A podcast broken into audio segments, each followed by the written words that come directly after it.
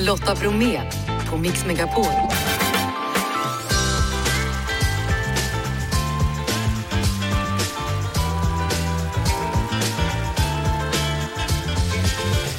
Hallå där och varmt välkommen in till oss denna tisdag. Varmt ute, varmt inne, sol i hjärta, sol i sinne. I dagens mix, Fredrik Boltes gästar oss efter 17. Han gick ner hur många kilo som helst och nu har han gjort en dokumentär om det hela. Perla Malmberg gör succé på TikTok, en kanal. Men vad säger pappa? Ni hör efter halv sex.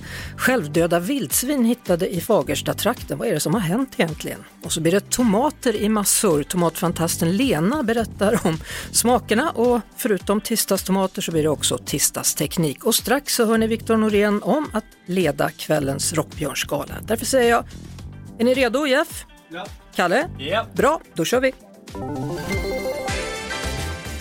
Du lyssnar på Mix Megapol, kul att du har hittat hit. Jag heter Lotta Bromé.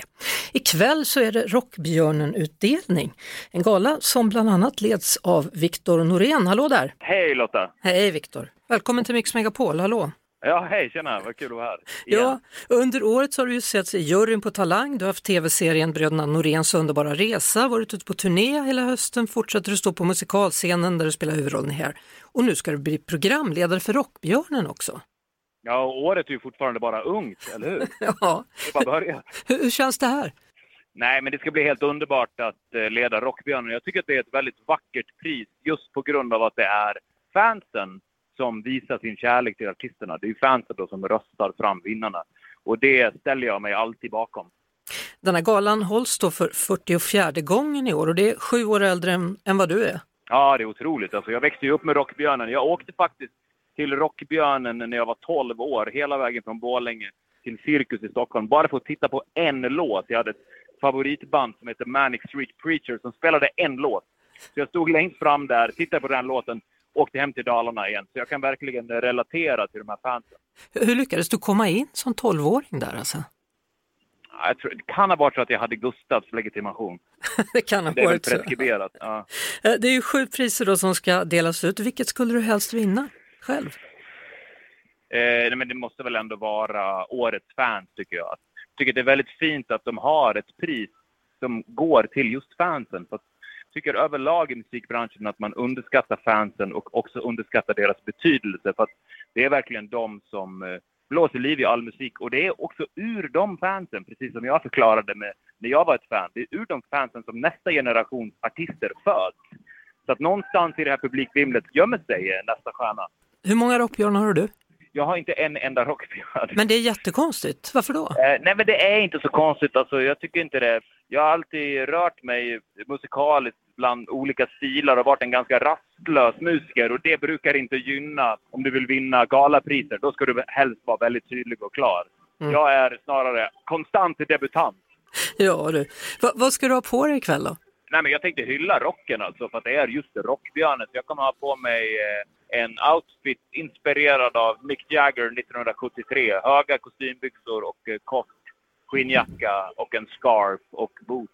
Snygg som vanligt då, med andra ord. Ja, vi hoppas på det. Ikväll uppträder då bland annat Marcus och Martinus, Peg Parnevik, Oscar Sia och Darin. Har du någon som du ser extra mycket fram emot att se och höra den här gången? Jag ser fram emot att se Oscar Sia. Jag tycker att han eh, har en väldigt unik röst och eh, jag tror inte jag har sett den live.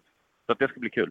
Och fans har då kunnat köpa biljetter till klubben Trädgården i Stockholm där det hålls ikväll och så kommer galan också kunna ses via Aftonbladets TikTok och Aftonbladet TV. Sändningen börjar klockan 17 och galan startar 19.30.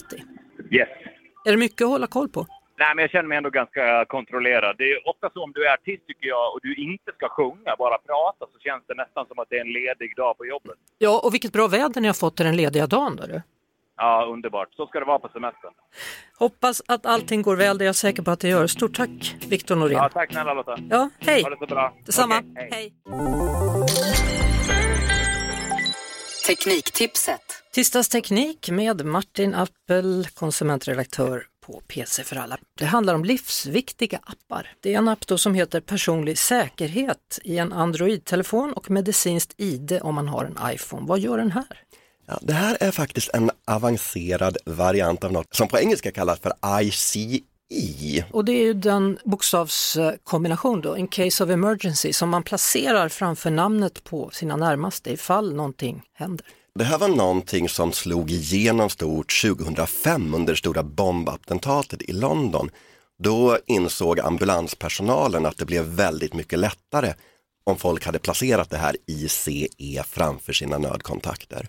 Och då är ju då tanken att om du är med om en olycka och ingen vet vem du är och vem de ska kontakta, då kan man titta i mobiltelefonen och ser man att din ICE-kontakt är den här. Då ringer vi till honom eller henne. Problemet som vi har nu, det är att nästan alla av oss har ju någon slags lås på våra smarta mobiltelefoner. Och det gör ju att då blir det ju ett problem när ambulanspersonalen, de har din telefon, de vet att din ICE-kontakt finns inne i telefonen, men de kan inte nå den. Och då finns de här apparna, alltså personlig säkerhet eller medicinskt ID. För det här är en app som man kommer åt även om din telefon är låst. Man behöver ingen pinkod, man behöver ingenting utan den här ligger liksom alltid öppen. Och där kan man då ha lagt in då blodgrupp, allergier, om man tar några läkemedel eller om man vill donera organ eller ej. Då. Man kan också ställa in här om man vill ha krisinformation. Det här som kallas för VMA, viktigt meddelande till allmänheten. Så hur installerar man den här appen på sin telefon? Om du har en iPhone finns det här i den app som heter Hälsa. Där finns det någonting som heter medicinskt ID. Då går du in där och fyller i de här uppgifterna om blodgrupp och allergi och nödkontakter och sådana saker.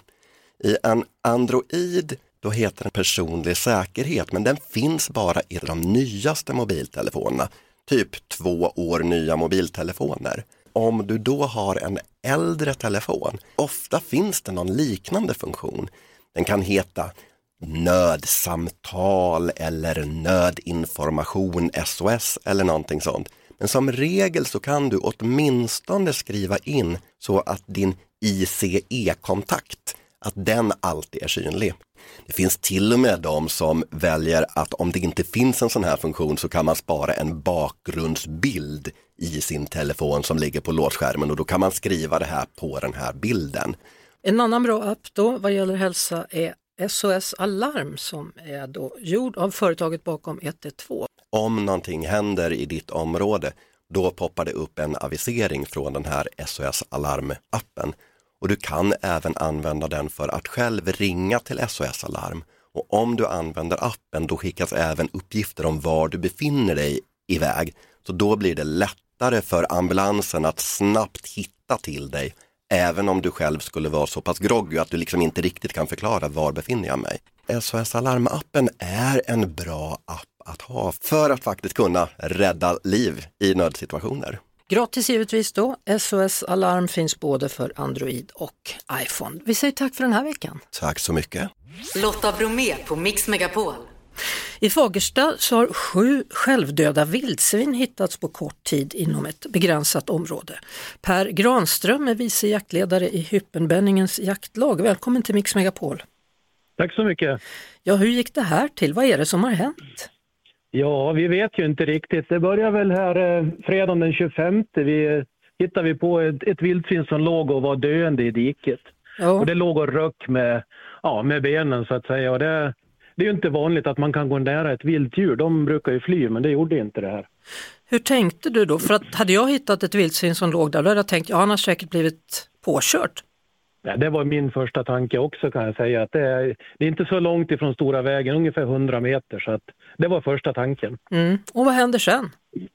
Sen kommer det två killar som är på väg till skjutbanan. Jag har ingen bössa med mig för jag kommer från mitt arbete. Så att, och då hade de med sig, de skulle upp och övningsskjuta så de fick avliva det. Mm.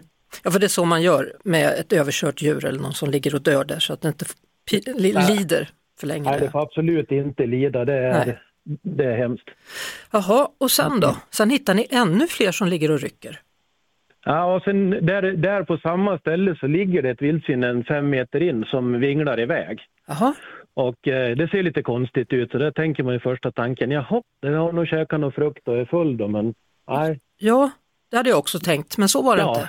Nej, det tror vi inte. För att sen eh, gick det väl gick väl några dagar, då, inte vet jag, fyra dagar kanske någonting. Då ringer det folk och talar om att det ligger ytterligare ett dött vildsvin, inte alls långt ifrån där vi hittade det döende. Men du, Kan det vara det här då? Kan det vara så att det är någon som tycker det är jobbigt att de bökar alldeles för mycket så att man har förgiftat dem? Nej, det tror jag inte. Det är, det är, så, det är så många i näringskedjan som råkar illa ut om man håller på med något sånt. Så mm, mm. Den, den tanken har inte vi i alla fall, det kan jag säga. Nej, och sen så tog ni lite prover då har jag förstått? Ja, på, på det första tog vi inga prover för det, det trodde vi att det var naturligt. På det andra har vi tagit benprover som vi har skickat in till SVA. Ja, till Statens det... veterinärmedicinska anstalt där då ja. ja. Och vad säger de?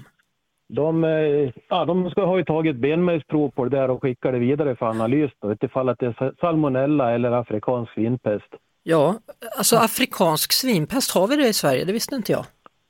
Nej, det, det, har väl funnits på något ställe men inte, inte i våra regioner i alla fall. Nej, får vi hoppas att det inte är det då och att ja, de det, får veta vad det är. Hur, hur, gör ni då? Ska ni fortsätta jaga vildsvin eller lägger ni ner?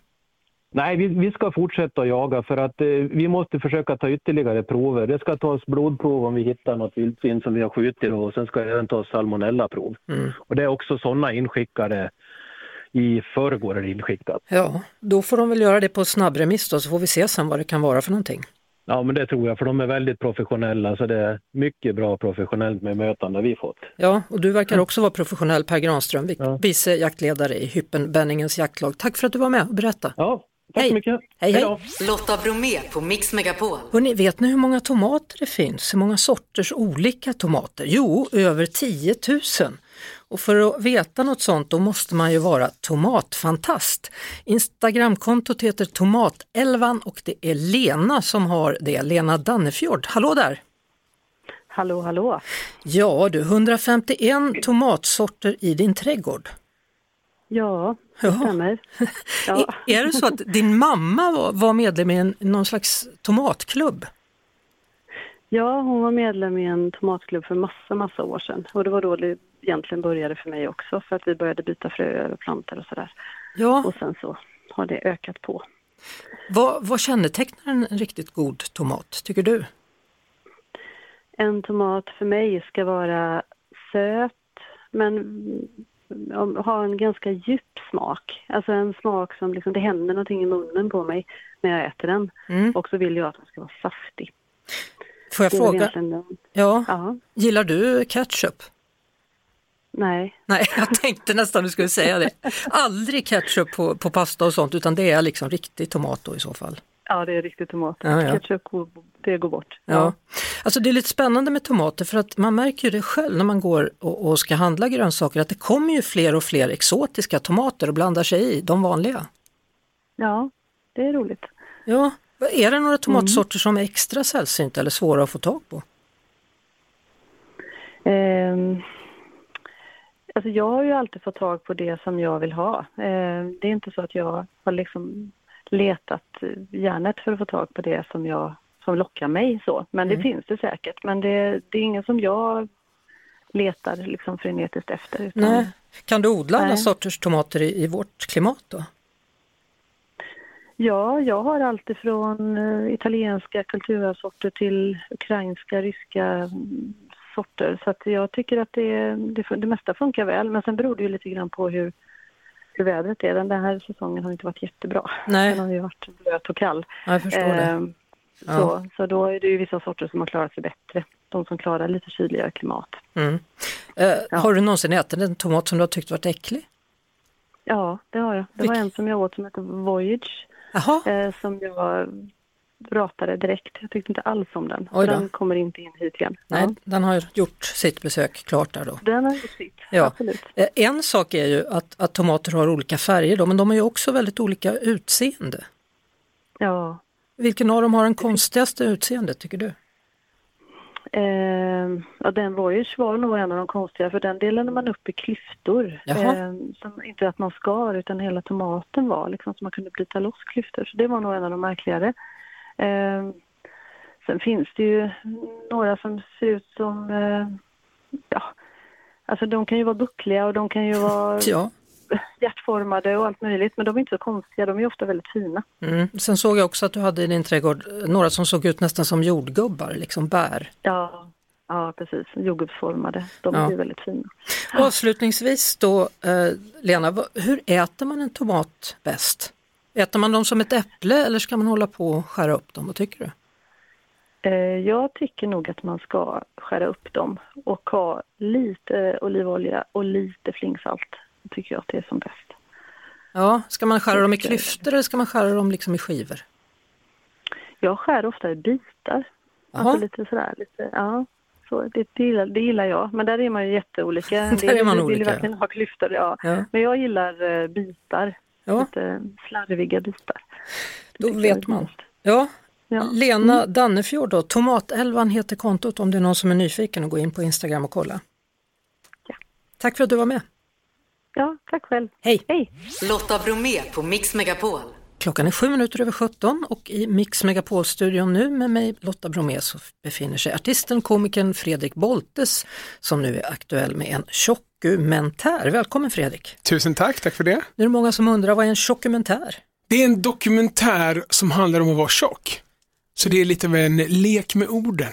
Ja, och det är alltid kul. Nej, inte alltid kanske. Men det, beror på vad, det beror på vad man gillar. Ja. Uh, hur länge jag tänker att ordskämt är allas guilty pleasure. Alltså alla tycker om ordskämt någonstans längst in, men man skäms för att man gör det. Men någonstans längst in så tar alla tycker det är kul. Mm. Hur länge har du hållit på och spelat in och dokumenterat det här? Jag har filmat mig själv till och från i åtta år. Varför? Därför att jag är väl den typen av narcissist helt enkelt som tycker om att höra ljudet av min egen röst och se mig själv på TV. det har med det att göra. Ja, och, och då undrar man ju då, alltså det ska handla om att vara tjock och nu när jag tittar på dig så är du inte ett dugg tjock. Nej, det, det är det många som säger. Nu väger jag 97 kilo. Hur mycket vägde du när du var som störst? 162. Hur var det? Ja, det var, gjorde ju ont i knäna. Och som, det började bli liksom ganska svårt då att göra vanliga saker, alltså eh, gå i en trappa eller sitta på en cykel eller köpa kläder i en vanlig affär eller ta på sig bilbältet. Det gick ju liksom, det gick, torka sig i röven. Det gick, men det var fan svårt att göra de där ja. grejerna eh, när jag var som allra störst. Så var det. Hur, hur var det när du var liten då? Var det likadant då att du vägde mer än andra?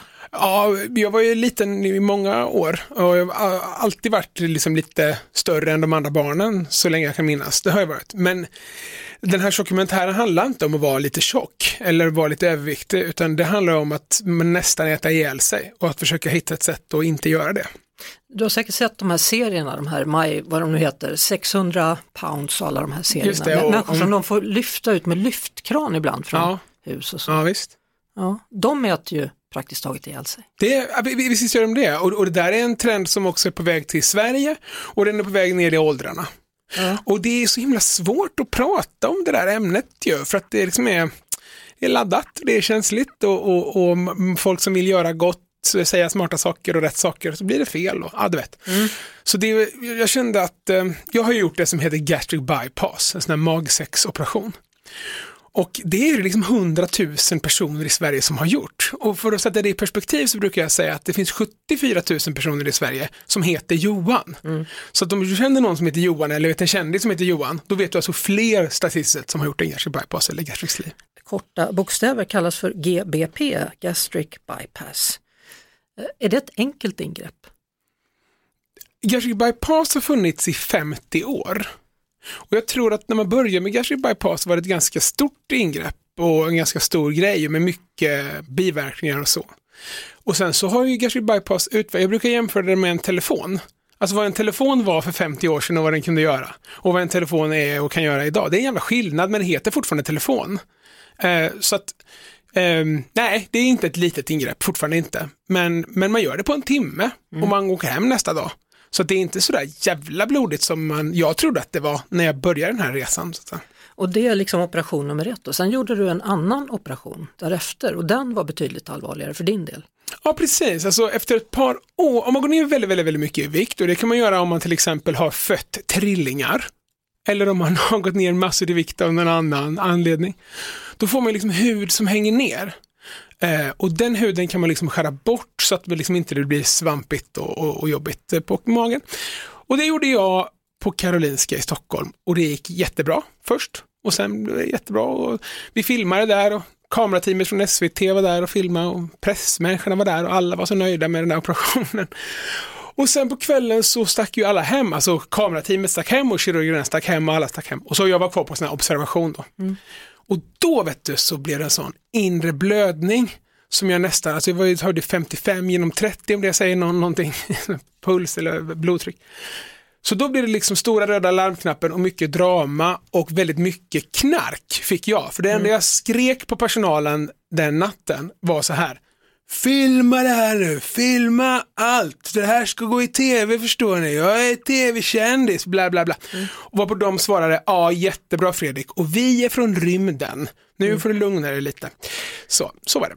Men, men idag då, så, så, läste jag någonstans där du sa att ibland ser du en bild i tidningen och så tänker du, vad gör min brorsa på den där premiären. Ja, Har du fortfarande precis. en bild av dig själv som stor? Precis, tjock? ja man får, man får säga tjock. Eh, eh, och jag går aldrig på några premiärer. Men eh, absolut, jag kan undra, så, vad fan gjorde brorsan på den där festen? Eller varför var brorsan där? Nej just det, det är ju jag som ser ut som nu för tiden. Ja. Precis, det tar mig en sekund. Så att jag blir liksom inte sur på någon som inte känner igen mig eftersom att jag själv inte känner igen mig. Men, men vad, vad säger det då? var, var, liksom, var, var, är du då någonstans rent mentalt när du fortfarande har en bild av dig själv som den här stora människan? Nej, det... Är det svårt att få ihop de här bilderna av den nya Fredrik med den gamla eller hur, hur funkar det? Alltså, jag är ju samma eh, person som innan. Det är inte det liksom. Det är väl bara att jag har mer energi nu kanske och ser annorlunda ut och sådär. Eh, så att det finns liksom inte en gamla Fredrik och en nya, att jag, var en innan och en efter, men jag ser ju bara jävligt annorlunda ut utanpå sådär. Eh, och där är både ingenting, bara det är kosmetiskt, och sen är det hur mycket som helst också. Alltså det är så dubbelt ju med mm. det här med utseende och hur man presenterar sig och du vet sådär. Eh, så det där är liksom, utseende spelar mer roll tror jag, än vad jag liksom hade räknat med. Eller ville att världen skulle funka på ett visst sätt och så gjorde den inte riktigt det. Nej.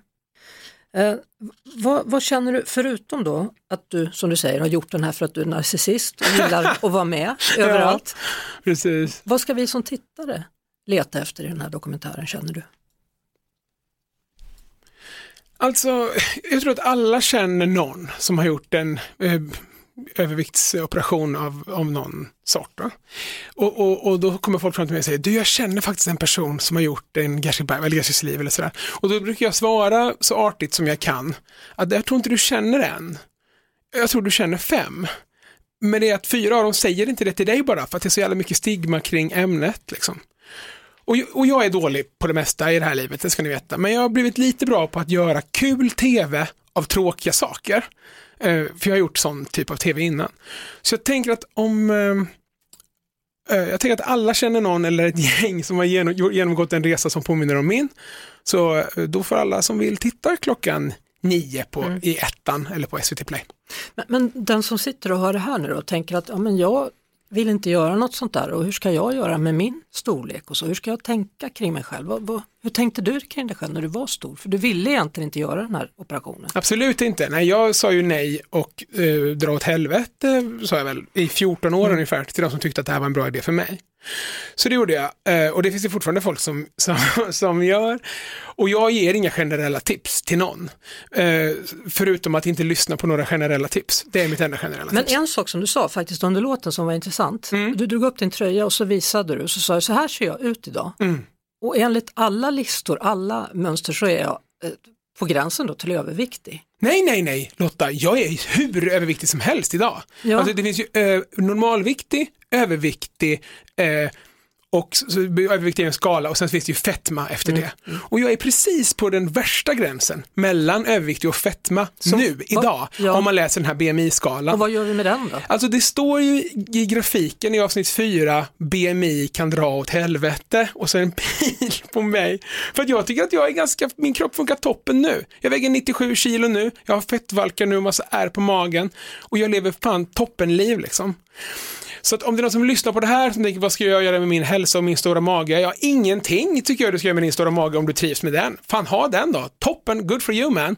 Sen kanske det sliter på dina knän om du väger 140 kilo ett helt liv och då får det väl vara så. Alltså folk gör ju ohälsosamma saker hela dagarna, det är det som är livet. Men om man vill ha hjälp med sin övervikt, om man inte trivs med den, då kan man få det på sin vårdcentral och det gäller inte bara kvinnor utan också killar. Sådär ja. Då höll du ett brandtal till slut då. Du Rösta på mig. Ja. Tack för att du kom hit Fredrik Gud vad kul att vara här, tack så mycket. Lotta Bromé på Mix Megapol. Perla Reini Malmberg, 19 år gammal, dotter till Claes Malmberg. Du gör succé du på TikTok som The Queen Pearl 123. Vad är det som händer? Jag vet faktiskt inte. Det kändes som att eh, det kom lite över en natt. Jag och min eh, bästa vän satte igång med, eh, ja, med att göra sketcher om killar som vi har träffat eh, innan. Eh, och la ut vår första i februari, början av februari och efter det så har det bara växt liksom. Så från 5000 följare till 135 000 följare på några månader. Alltså det är ju väldigt kul när du gör parodier på andra bloggare. Ja. Ska, ska jag kalla dem för snälla? Nah. Eh, nej. Men de är inte så här superelaka heller utan de är gjorda med en viss finess tycker jag.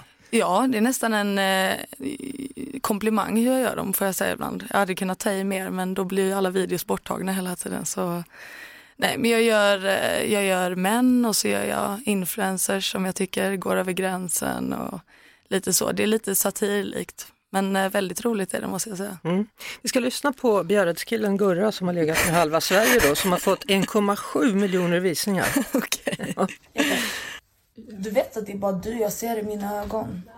Det är massa tjejer som cirkulerar men du är den som blå ögonen stannar på. Okej? Okay? Jag har bruna ögon.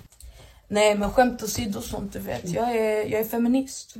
Du är det? Ultra feminist. Alltså när jag tänker på brudar och smäcka dem där bak, jag tänker bara fucking kvinnor. Jag ska stå upp för dem, jag ska kampa för dem. Alltså vad får du dina idéer ifrån? Ja men det är väl mest eh, mina egna erfarenheter och eh, mina vänners egna erfarenheter. Liksom. Eh, killar som man har träffat eh, antingen ute på krogen eller kanske gått på någon dejt med eller så som man lägger märke till vissa egenskaper de har. Så gör man det lite roligare, för så roliga är de inte kan jag säga. De är ganska uttråkande. ja, handbollen då, hinner du med den mitt i allt sammans? Ja absolut, alltså det tar inte så lång tid att spela in en video eftersom eh, jag improviserar och eh, hon som sitter bakom kameran då, Elise oftast, hon eh, hänger bara på det jag gör. Mm. Tappar jag mig någon gång så får hon flika in med något. Liksom. Är hon också med i Lugi? Exakt, ja. A-laget? Exakt, vi spelar tillsammans där i A-laget. Ja. Ja, vad, vad, tycker, vad tycker laget om dina filmer? Eh, de är några av mina största fans får jag säga. Såklart. Det är de som får se mig naken i omklädningsrummet varje dag så att eh, de vet lite vad jag går för kan man säga.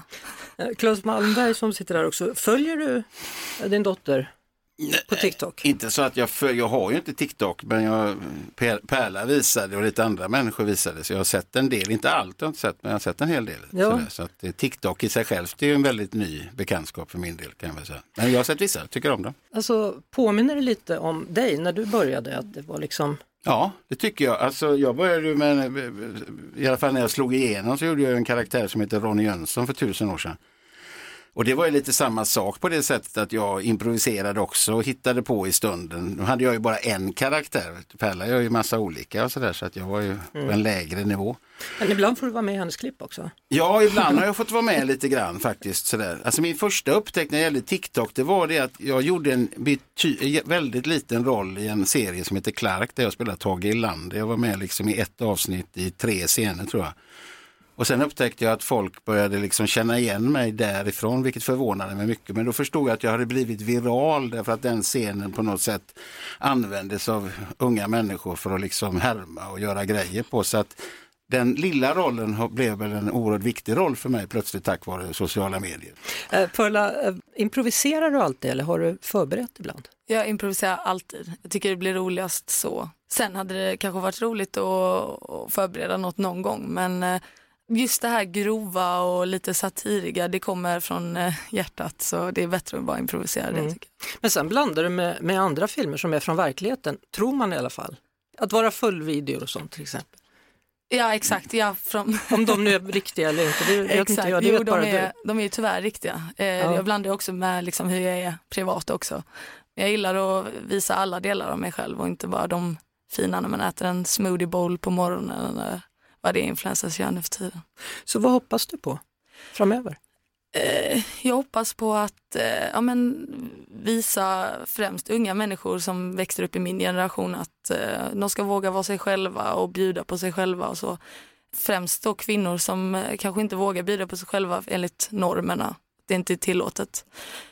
Inspirera människor bara och jag hoppas någon dag kunna göra samhället till ett bättre samhälle. Mm. faktiskt. Jag ska bara säga det för de lyssnare som nu blir så här, vadå är hon full? Så, vill jag säga att det finns, det finns ett inslag där, där du sitter och har lärt dig, det här har jag lärt mig under mitt 18-åriga liv. Det finns alltid, aldrig en, en snygg fyllebild typ. Exakt, jag har lagt ut lite fyllevideos och ja. sådär. Men... Eh, nu rynkar Claes på pannan här ute. Ja. Mm. ja, vissa av de moderna grejerna kanske jag inte helt hänger med på. Säger han som sprang naken runt TV4-huset. ja, du, du, kommer aldrig kunna göra, säga något, Claes. Nej, jag vet, jag vet. Ja. Nej, men det är jättekul, hoppas på, hoppas på en framtid kanske inom detta. Så länge det är kul i alla fall och så länge folk uppskattar det. Hur går det med handbollen då? Jo men det går bra. Mm. Landslag?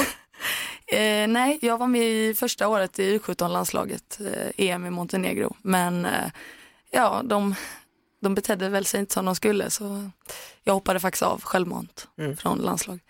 Och spelar i Lugis damlag nu vilket är superkul. Många snälla människor där, eh, främst mina lagkamrater tycker jag väldigt mycket om. Mm. Tack så mycket för att du kom förbi då, Perla Reini Malmberg. Tack så jättemycket. Och eh, kontot heter alltså The Queen Pearl 123 på TikTok. Exakt. Nu fick du några hundra till, eller tusen. Grattis! Bästa, tack så jättemycket. tack också till dig Klas. Tackar. Lotta Bromé och den perfekta mixen på Mix Megapol.